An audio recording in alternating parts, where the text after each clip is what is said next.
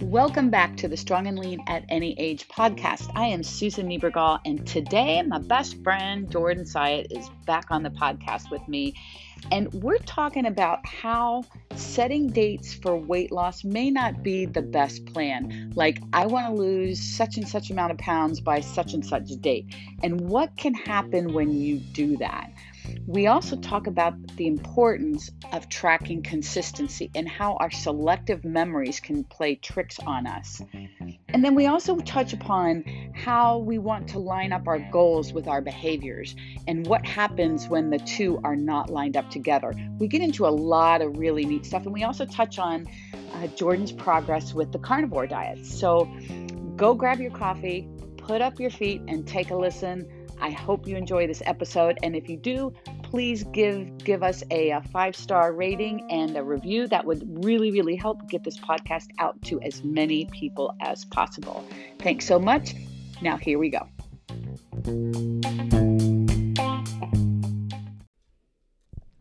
Susan, Hello. how are you? Good. How are you? I'm delightful. I'm, del- I'm I'm great. delightful too. Having some oranges, orange slices, some almond milk, Yeah. and coffee. Yeah. And had some amazing banana bread. Oh, that was great. Yeah. That was really, really good. And there's some amazing donuts. and there's some amazing lobster tails. Thank you, Amy Rudolph, for the yes, lobster tails. Yes. Thank you, Amy Rudolph. Those, are were- tremendous. Holy crap. Those, Those, are really, great. really good. Yeah. We're just kind of getting you off your carnivore diet. How are you feeling? Now that I'm off the carnivore diet, I feel like a new person. and my my trying to think of how to phrase this in Just case for- there's any children in the car. My uh, bowel movements are feeling significantly better. It it actually feels like heaven at this point. You don't. It's a cliche saying, but you don't realize what you have until you don't have it anymore. And Well, you know, Wow. it, it's interesting, and we'll just briefly touch on this bowel movement topic because then we'll get on with it. But as you get older, like elderly people become obsessed with it. yeah, I remember see my dad being obsessed, like if things weren't going the way they thought they should go. Um, I remember my, I, my mom. Thinking back, she must have only been forty or forty-five, if that. But sh- there was a period of time where like she started buying prunes more frequently, and I remember I was really young, and I was like, "Why are you buying these?" And I thought they were delicious. Yeah. I loved them. I was like, "These are great." Yeah. But she was, and I would have like 12. Oh boy. and she was like, "No, no, no, no, no." That's a and they much. clean me out. But Uh. but uh, it's so interesting because I've been very fortunate. I've never had issues with that aspect of my life until I tried the carnivore diet, and it was it was truly hell on earth. Yeah, It was I awful. bet. Oh, I bet. I think we take so much of that for granted. Oh my god! Yeah. I did not realize what it was, what it's like to have a healthy system down there, and then when you have all, all of a sudden have a not functioning very well system, it doesn't. It, it, it actually ruins the entire day. I bet it does. So today, And you feel it first, for the rest oh, of the day. You feel it constantly. Yeah. It's it's quite literally a pain in the tuchus. You know, I need. To, I want to talk to my niece about this because she's a gastroenterologist. oh, is she? I yeah, didn't know that. is. Yeah, yeah, out in San Diego. I should ask her. And t- she follows you actually, so she probably knows that you've been doing this. That would be great yeah, to talk I- to her yeah, about that. yeah. I, I need to talk to her. Maybe she'll actually hop on a podcast with me. That'd be yeah, fun, that'd be right? perfect. Yeah. Because I know a lot of people were asking me, why would there be so many issues? And I think, and basically, I spoke with, uh, I spoke with a bunch of people. I spoke with uh, nutritionists, spoke with doctors, spoke with gut microbiome experts. It seems to be two major reasons. Number one being the carnivore diet having literally zero fiber. Like, all you're eating is meat and fish and eggs Yeah. and I mean there are a whole health whole list of health concerns as a result of that. One of them being literally zero fiber.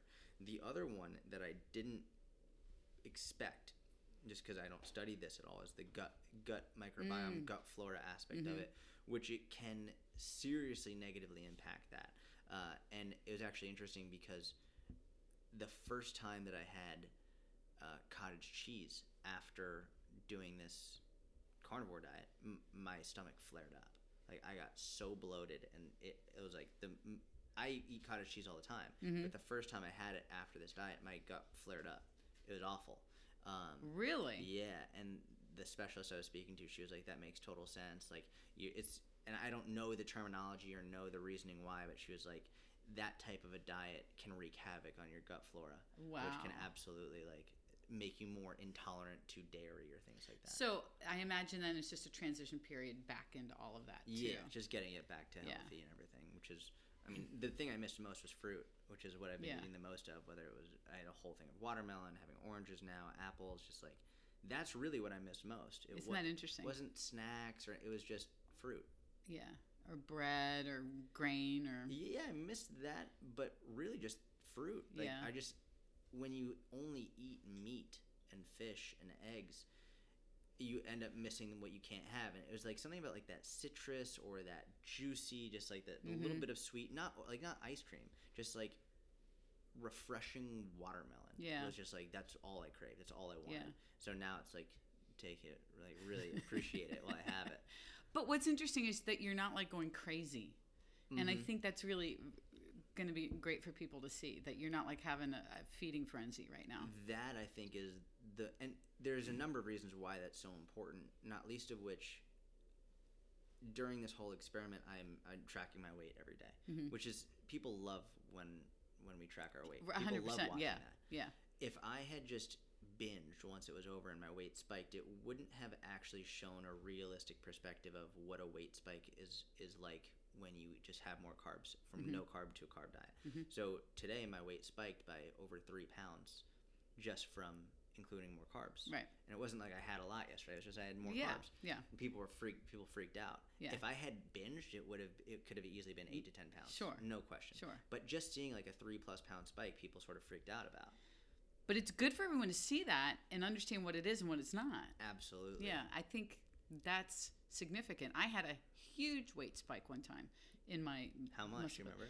Um, about four pounds or so, Yeah. and that was like you know when the scale going up is still a little bit eh, for me Mhm. um, better, but but st- that was like holy shit Yeah. for a second, Mm-hmm. and then you kind of reel it back in and get back down to what reality is. Oh yeah, yeah, you know what? I a couple factors played into that from the day before, and I got it. You know. You know what's interesting is I like to play the game of what I logically think my weight will be based on how I feel before I do it. Yeah. And I like doing this because when you start to pay attention to how you feel, not just mentally, I don't mean mental emotional, I mean how do you physically feel? Like how does your stomach feel? Like Mm-hmm. Yeah. how does your ring on your finger feel? Like is it harder to take off today? Mm-hmm. Like if my ring is harder to take off, I'll weigh more. Yeah. I Yeah. know it just because Yeah. I'm yeah. holding on You're to more water. Yeah. I can feel it in my stomach sometimes. If my stomach feels a little bit heavy, like I'm probably going to weigh more. Uh, if my ring is can take it off very easily, I'm usually going to weigh less. Mhm. Not always, but it's interesting to pay attention to these things because then before you even step on the scale, you can start to say, okay, so based on this, based on I had maybe I had sushi with some soy sauce last night, so I'm going to weigh more because of sodium, whatever it is. Like you can start to be very logical with how this stuff works. And that's so helpful going through all of this. Yeah. Whatever you're trying to do, whether it's lose weight or even put on some muscle or whatever. I've even noticed it with my blood pressure now. I'm starting to get more data on that. That's interesting. I'm starting to know when my blood pressure will be higher versus when it'll be lower based on how I feel, based on if I ate beforehand, uh, based on what time of day it is. Like it's and it's so because if you only go based on the number that you're reading without any other extra data, any trends over the long term, you're setting yourself up for a huge panic attack. Whether it's your weight, whether it's your blood pressure, whether it's your cholesterol, whatever it is. Like you have to look at the trends, not just any individual number. and that kind of brings me to what I think you and I get this a lot from people, and, and that is they they give themselves a goal to lose a certain amount of weight in a certain amount of time. You know, I want to lose 20 pounds by such and such a date because I'm going to go on this vacation or I'm going to I have an event or a Mhm. wedding or whatever. We just had that in the inner circle. We yesterday. did, we did, and and it comes up frequently. Um, I think the intentions are great, but I think the expectations that people attach to that become very unrealistic, Mhm. and and they're setting themselves up for validating whether they're successful or not based on something they really can't control that much anyway. Mhm. You know, um, and those daily fluctuations and things that happen along the way are so helpful to know in situations like that too. You know, the I'm glad you brought that up because this I think is super important. Yesterday we were doing the Inner Circle Live, uh, the live Q and A, and one of the members said how they had been binge free for a long time, Mm-hmm.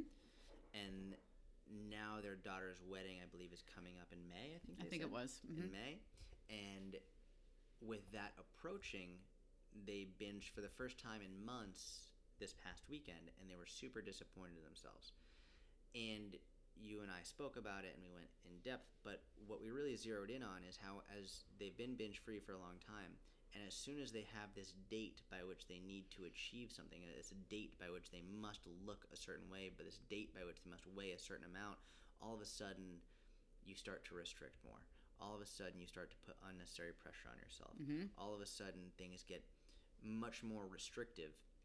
And when that happens, you end up what happens your f- relationship with food goes down you you have a worse relationship with food you get more restrictive relationship with food and then all of a sudden you end up binging and i think this actually this ties into whether it's the carnivore diet whether you're doing a, a ridiculously low calorie diet Yeah. 500 calories a day 800 calories a day 1200 a day whatever it is when all of a sudden you have this date by which you quote unquote must achieve your goal you are putting an unbelievable amount of pressure on yourself to restrict and restrict and restrict and restrict which just isn't sustainable No, and setting yourself up for all kinds of issues, and and and how what we always see that when you reach a goal, a number based goal, it's never what you think it is ever ever.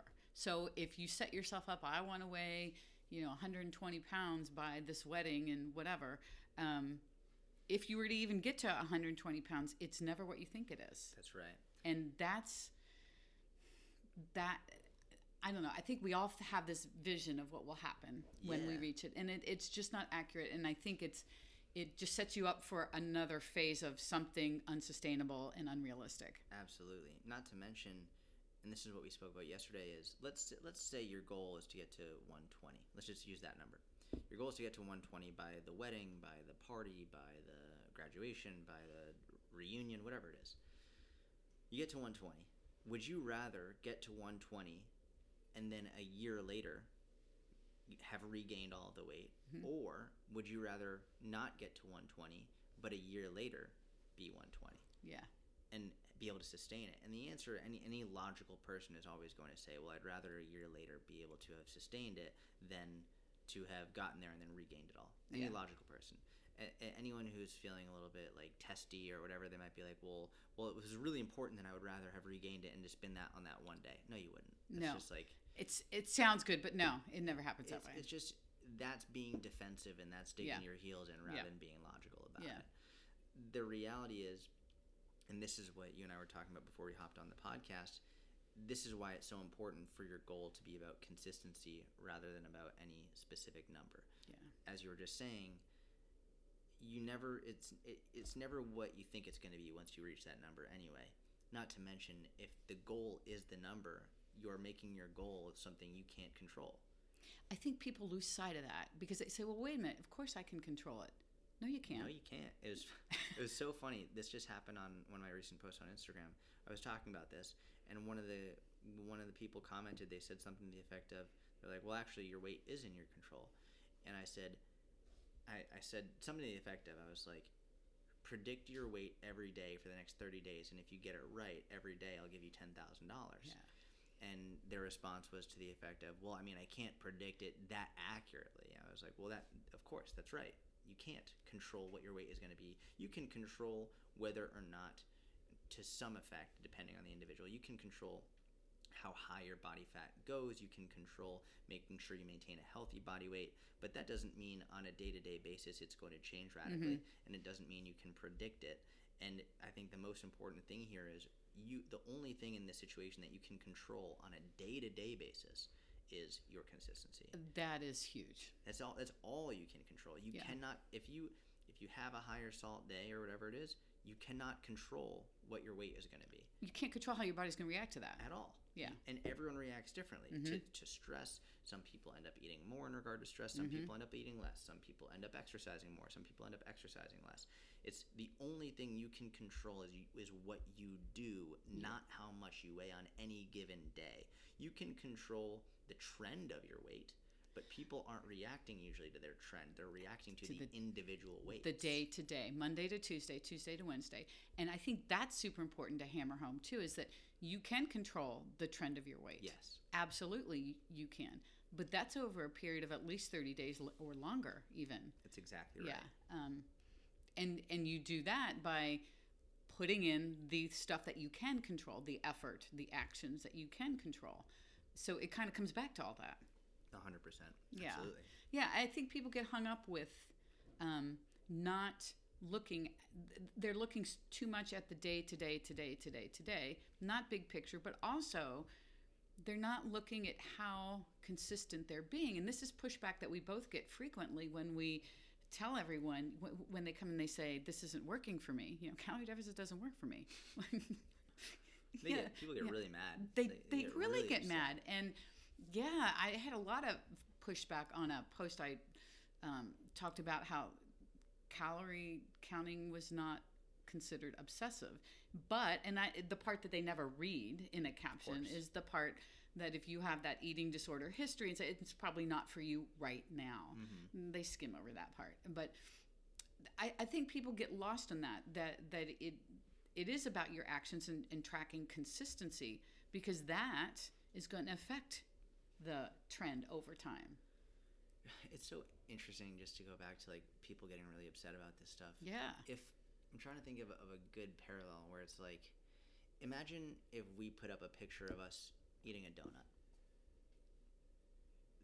It would be like someone who might have diabetes being like, "Well, I, are you recommending that I have a donut? I can't. I have diabetes. Like, how dare you?" Yeah. It's like when you go on Instagram, or if I go on Instagram or whatever, and we recommend people try tracking their calories, we're not speaking to the people who might have a disordered relationship with food because that's that's an illness. That's a serious problem. In the same way that when we say like, "Hey, have a treat, like have a donut, or whatever," we're not speaking to the people who have diabetes. yeah that have medical issues that specifically We're say you shouldn't do that Mass population. Yes. To the majority of, of people, yeah it, it's so interesting to me the sort of the mindset that people are in with social media it's like everyone is looking for a reason to be upset at whoever is posting something. Mm-hmm. they're looking for a reason to be offended by it. it's probably a better word. Mm-hmm. and they're looking for a reason to say well, well i'm different. That doesn't work for me. It's like okay so okay that's fine. scroll by. Yes scroll by. just keep moving the why finger. is that so hard for people to do? It's crazy. It- I, I don't understand it. If you don't like the content you don't have to stay here. It's it's so you really don't. And I always know when it's going to be one of them when one of them by being me someone who's offended one Mm-hmm. of the offended people because they'll always start by saying well as a dot dot dot, Dot, dot. as a person of dot dot dot. As someone like, with an "Oh, eating disorder. God." yeah. like yeah. I, I get it. I understand. You're offended by this. It doesn't work for you. Cool. Move, on. it yeah. wasn't it wasn't for you. Yeah yeah I, I don't know what that is Eh, maybe it's a climate today i don't know I, I- I have a hunch it was always like this to some degree but it seems like it's it's more magnified now It's definitely more magnified. It's definitely something where people are. I almost feel like when someone's offended by that type of a post, they get angry because it, by them sort of going out and, and justifying whatever is going on, now it's it's their way of being like, well, this is a- justification for me not to do anything at all. It's like they almost take it as a personal attack because mm-hmm. it's it's telling it's showing them in their face why they might not be seeing progress, why it might not be working, and they don't like that. They don't mm-hmm. like being told that it's not working, and so it's like, well, instead of just scrolling on by, they just take personal offense to it. it comes back to t- you know to some degree taking some responsibility of what's going on whether that's getting help for whatever is going on or just taking responsibility for the habits that you have whatever the situation is hundred percent. yeah it's about not taking responsibility and having that they're they're taking that on and they it'd don't be, like it'd it be like if I saw a post for for men's clothing, like for big and tall men's clothing, and I'm like, well, I'm short and small, so like, how dare you? Like, Yeah. Well, why is this post on my feed? Yeah. I well, you know, as a five foot four guy, like, guy. this really is Yeah. is is completely and utterly unnecessary, and I'm actually, Yeah. it's like, what is going on? yeah If it doesn't have to do with you, then just scroll by. Yeah. it's crazy. Yeah, it, it is crazy, but they're they're out there and they want to kind of take away from what we're trying to help people with. Not only just taking responsibility, but tracking your actions. Mhm. and what and how is that happening or not happening? Because so often that's where the issue is. People don't think it. Mhm. they don't think twice about the lack of whatever that they, they haven't done this they haven't done that or they didn't track this or they didn't track this handfuls of this and that and the other all those things that they don't take account for um, tracking consistency is huge. I, I think it's the the difference maker. It's so interesting because I think the most common message that you and I will get when someone is very grateful for when they finally start tracking everything is they they say almost verbatim, I thought I knew exactly how much Yeah. I was eating yep and I didn't want to track, but as soon as I started tracking, I realized I was eating way more than I thought. Mhm. And it's so funny because when people track their weight and their, their goal is their weight, they get very upset and influenced by those daily weight fluctuations. Those same people often think truly in their head that they're being very consistent when they have one great day of eating Mhm. or one one or two or three or four days in a row but they don't realize what happens in the subsequent day two days three days four days where they go off track completely and all they're thinking about is when they were doing great yes and they completely and Forget. utterly forget what happens when they're not being consistent And that is applied to so much in life. And what hits me right away with that is childbirth. Mm. When you go through childbirth, it's not fun. i would is. imagine it is not fun. It is. It can be painful. I mean, it, there's a whole lot of discomfort associated with that. But do you think you remember any of that? You know, as time passes, no. Mm-hmm. You know, all, we're selective with what we remember and what we don't remember is what I'm trying to say. And and so and this is exactly the same the same way. We are very selective with the the good stuff that we remember. We don't remember the times all the times that we went off and we didn't track this and maybe we've been eating out more. You know, th- and this is another area too. People tell me I track everything. But they go out to eat three or four times a week or, or something like that. yeah. Yeah. And so I'm sure they're doing the best they can tracking. I mean, sometimes you have some numbers you could play with, but invariably you're coming in way under. You know. Oh my god! It's it's first and foremost. Anytime I hear childbirth, I always think of Bill Cosby's skit where he's like, "Imagine taking your bottom lip and stretching it over your skull." He's like, "That's what it feels like to give birth." That's like, That's pretty accurate. I think he said that's what his wife said to him, and Yeah. and it was just one of the one of the funniest skits I've ever heard. Just Yeah. a classic. But um, now I completely forgot what I was gonna say in regard to what we were just talking about. What did, what did you just say? um, where were we? We were. Uh, What did you literally just say? I was going to say something on top of that. This is the oh, blind- Oh, um, you're talking about eating out. yeah, yeah. yeah.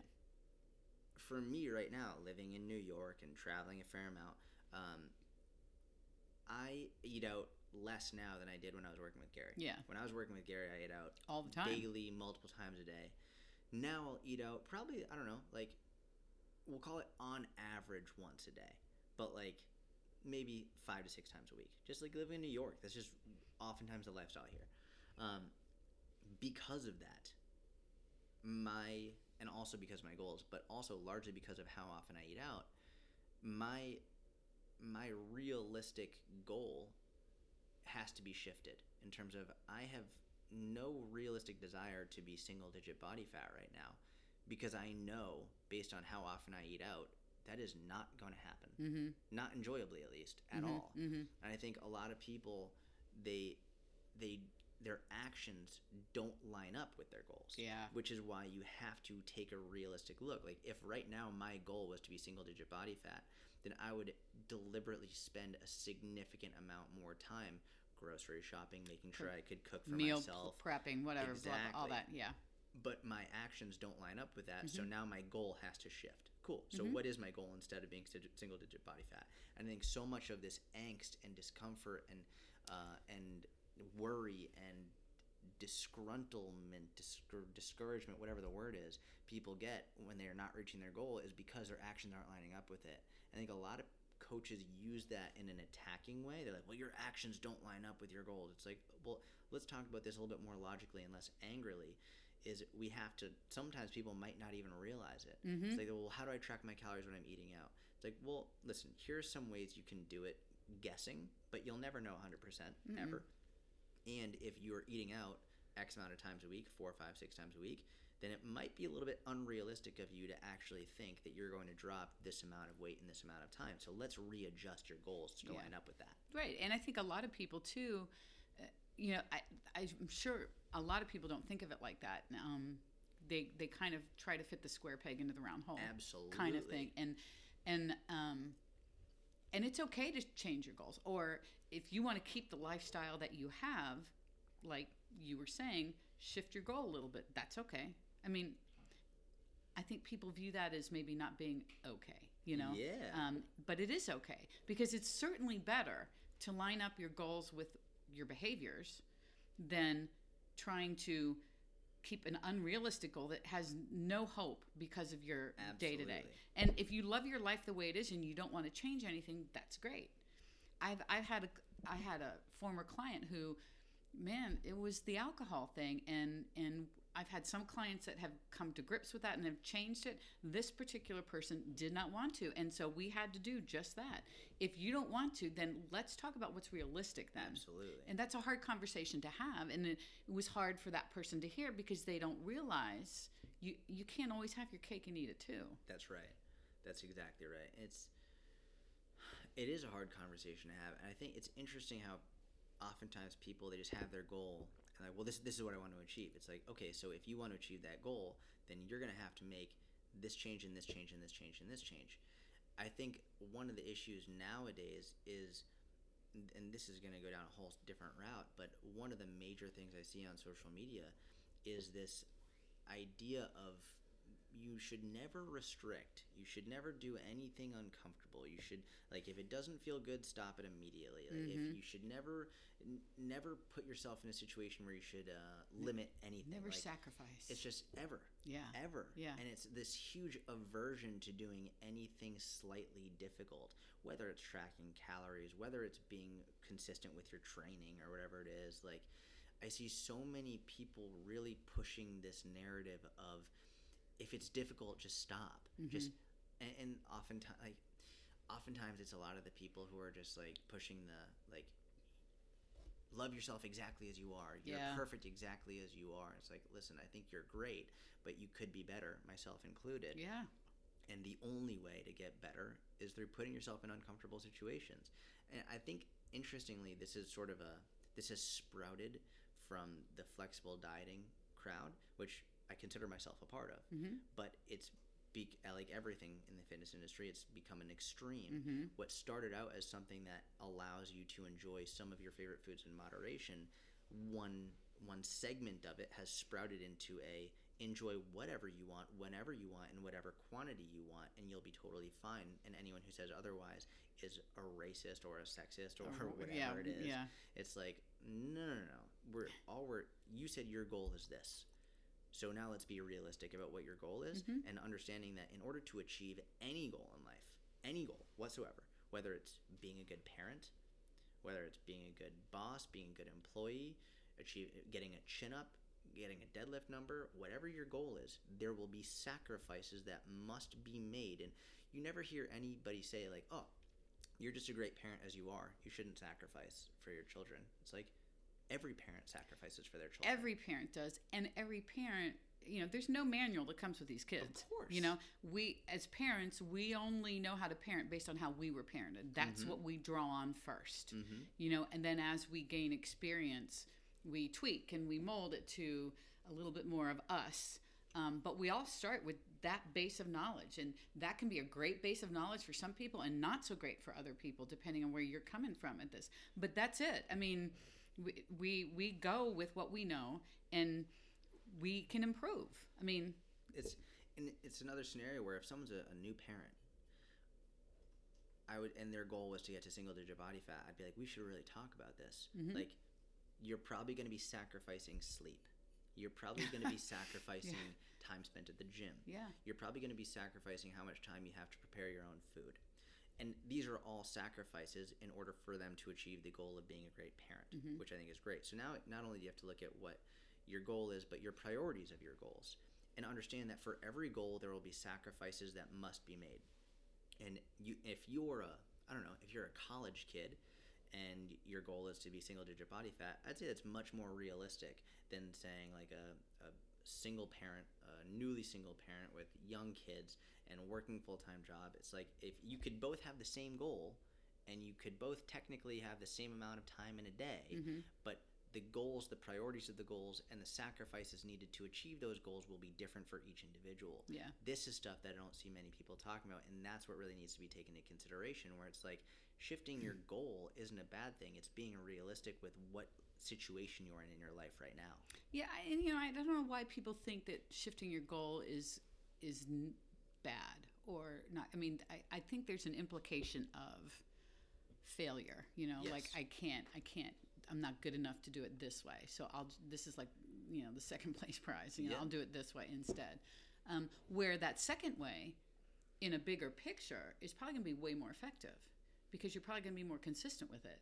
You know, because it's set up that way. So you could go back and forth, back and forth with all these unrealistic goals and keep starting over when you could have taken that energy and time and putting it into something else and um, have made some progress. Yeah, and, it's so funny. Like a lot of people might be like, they might get mad if someone says something defective. Well, clearly you didn't want it bad enough.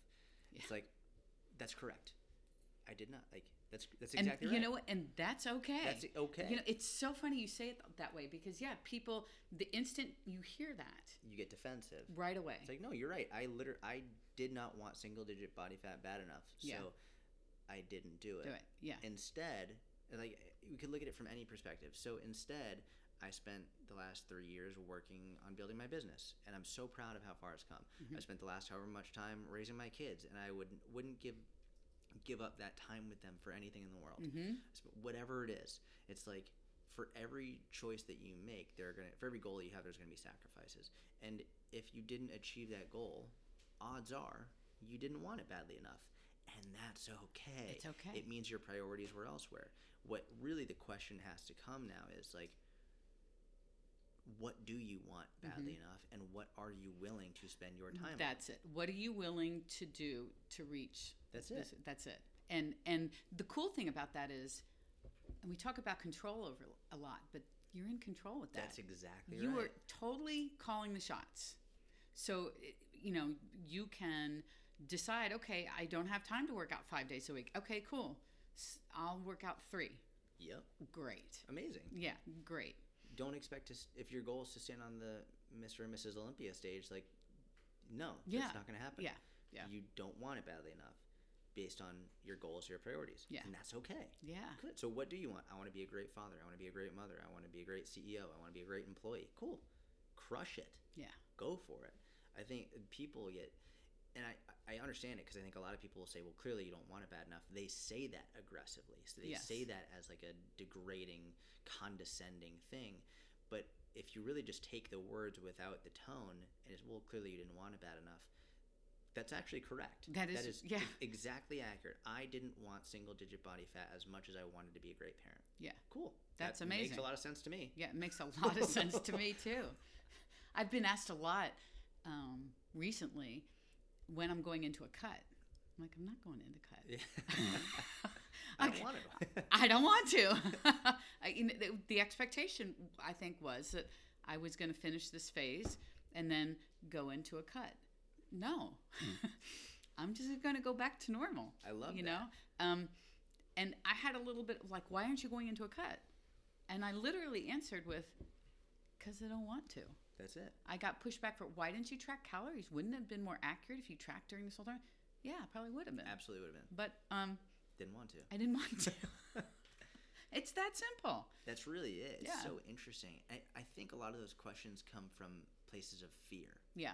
right? Where people who are not as well versed in it. It's so funny. Ever since I started jujitsu, I, I make this comparison of like white belt versus a black belt type thing. Like you're a black belt in nutrition because you you did your time tracking mm-hmm. calories. Like Yeah. Yeah. I put in when, the time. When you went into your doctor's office thinking it was your metabolism or your age, you were a white belt. Yeah. That was like day one yeah. white belt you were just like hoping something was wrong you were like resistant to any any issues and then once you took control once you like started to take responsibility and then you got your first stripe as a white belt cool so now like you're at a point where you're ready to actually dedicate to tracking your nutrition. And as the more you do it, the more you track, the more like you start weighing your food. Cool, you just got your second stripe. Mm-hmm. Now you start to understand, and then from there you start like you go on vacation and you mess up and you realize it wasn't a big deal. Cool, third stripe, whatever Mm-hmm. it is. You have a lot of different stripes and belts to go through. It's like I like that aspect because a lot of these white belts in nutrition get very fearful of well should, shouldn't you track it'd be way more accurate if you Yeah. track it's like but when you become a black belt you realize there's always another move. There's always another attack that you can have. There's Mm. always there's a, there's a greater vision. You're you have much more foresight. You have much more ability to see things to before they even happen, and Yeah. you can see what you can do once it happens. Whereas a white belt is only focusing on what's right in front of him in that moment, at that specific time, and they get very fearful about it. It's survival almost. It, it's exa- that's a great way to put it. Whereas a black belt is like, can fuck anybody up. Yeah, Like, yeah, yeah, care. It's like yeah. it doesn't matter. Like Yeah. I'm always gonna win. Yeah. I, I always know how to look at this from a long term perspective. So I think that a lot of these questions about well, shouldn't you have done this? What are you about now? What are you gonna do now? What are you gonna do now? It's like relax. Take it like Bruce Lee, like be like water. Just like relax. It's yeah. okay. It's Flow okay. with it. Yeah, and that's made this whole thing better just for me. But it's funny how people just assume a lot, you know, Mhm. that that you're not tracking. No, and I, I've put that out there like a million times from the beginning, and even now that no, I, I opted not to do that. And, and you know, the same thing. Like I, within the last week, I have gotten so many questions about how much creatine I take. So what is so is there something about creatine first of all that's in the air right now? It's just really fascinating that within the past week and I've replied I've never taken creatine in my entire life ever. the corona and the creatine virus. Yeah. maybe it's something maybe they're connected. I don't know.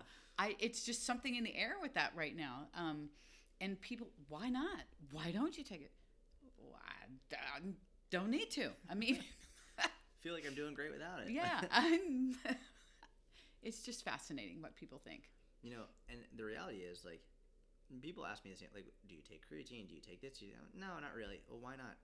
Um, I just don't care enough at this point. Like Yeah. realistically, it would if if I wanted to optimize my strength and my performance, yes, I would take creatine because the benefits are real. Mhm.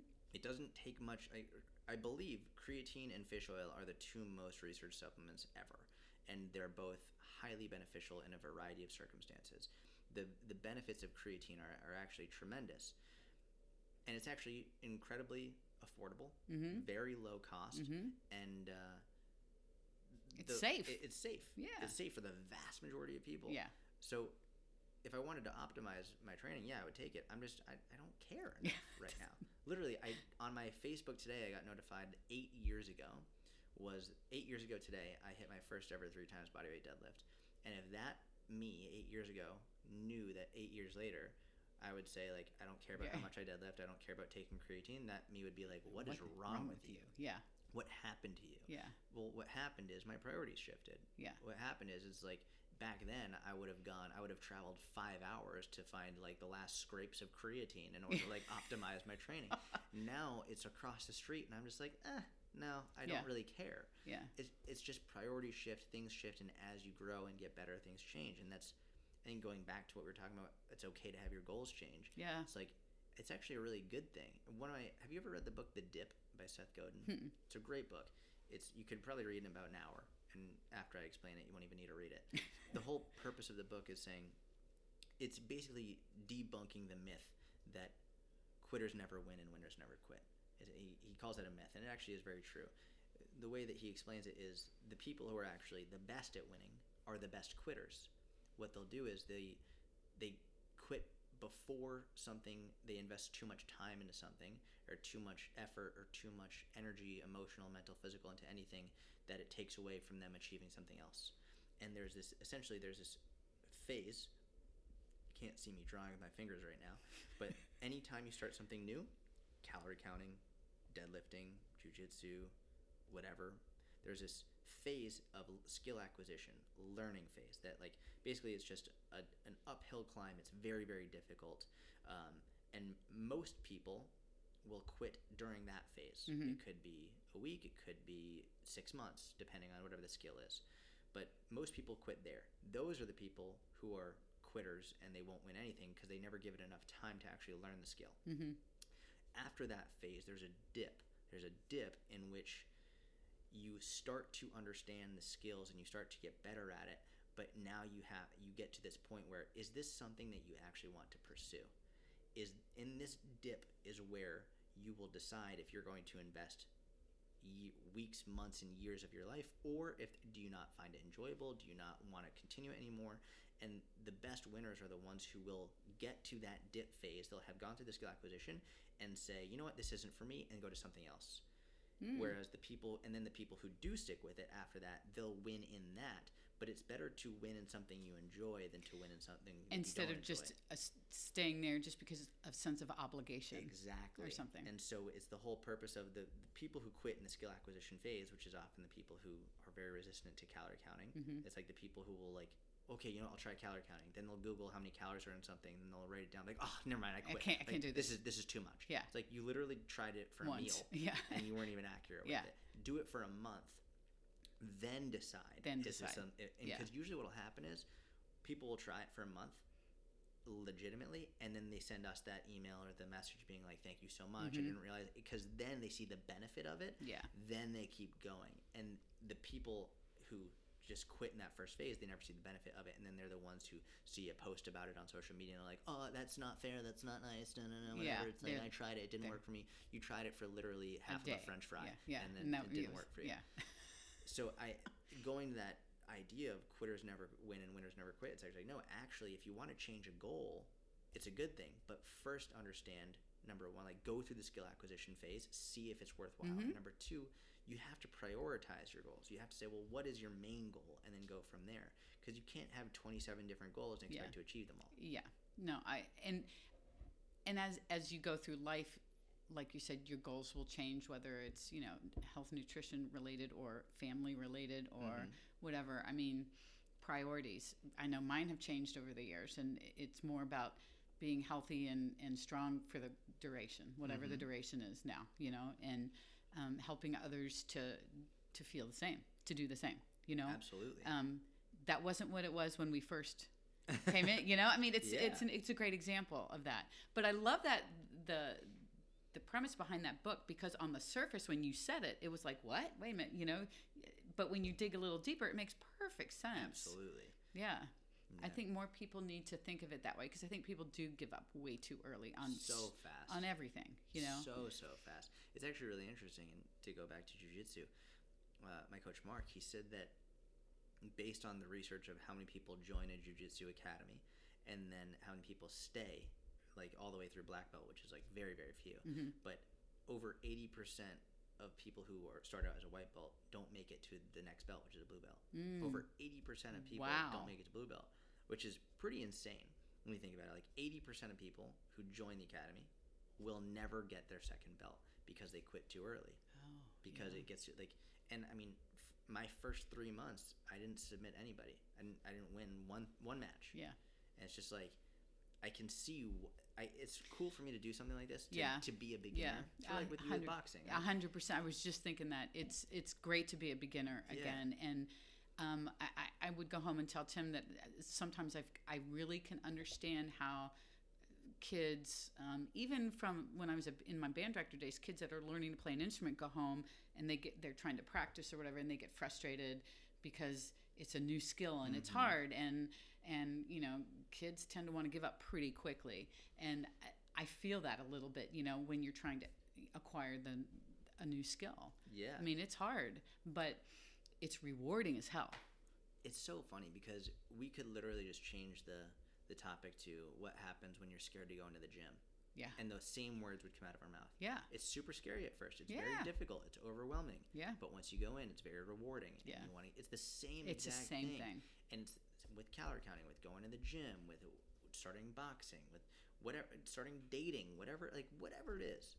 The Yeah. skill acquisition period is the hardest part. Yeah. And most people never make it through that because they quit yeah early and then they come up with justifications for why For they why. shouldn't be able Oh, to yeah. for why they can't for why it's unfair like the unfair yeah, it's the unfairness is the really big one Yeah.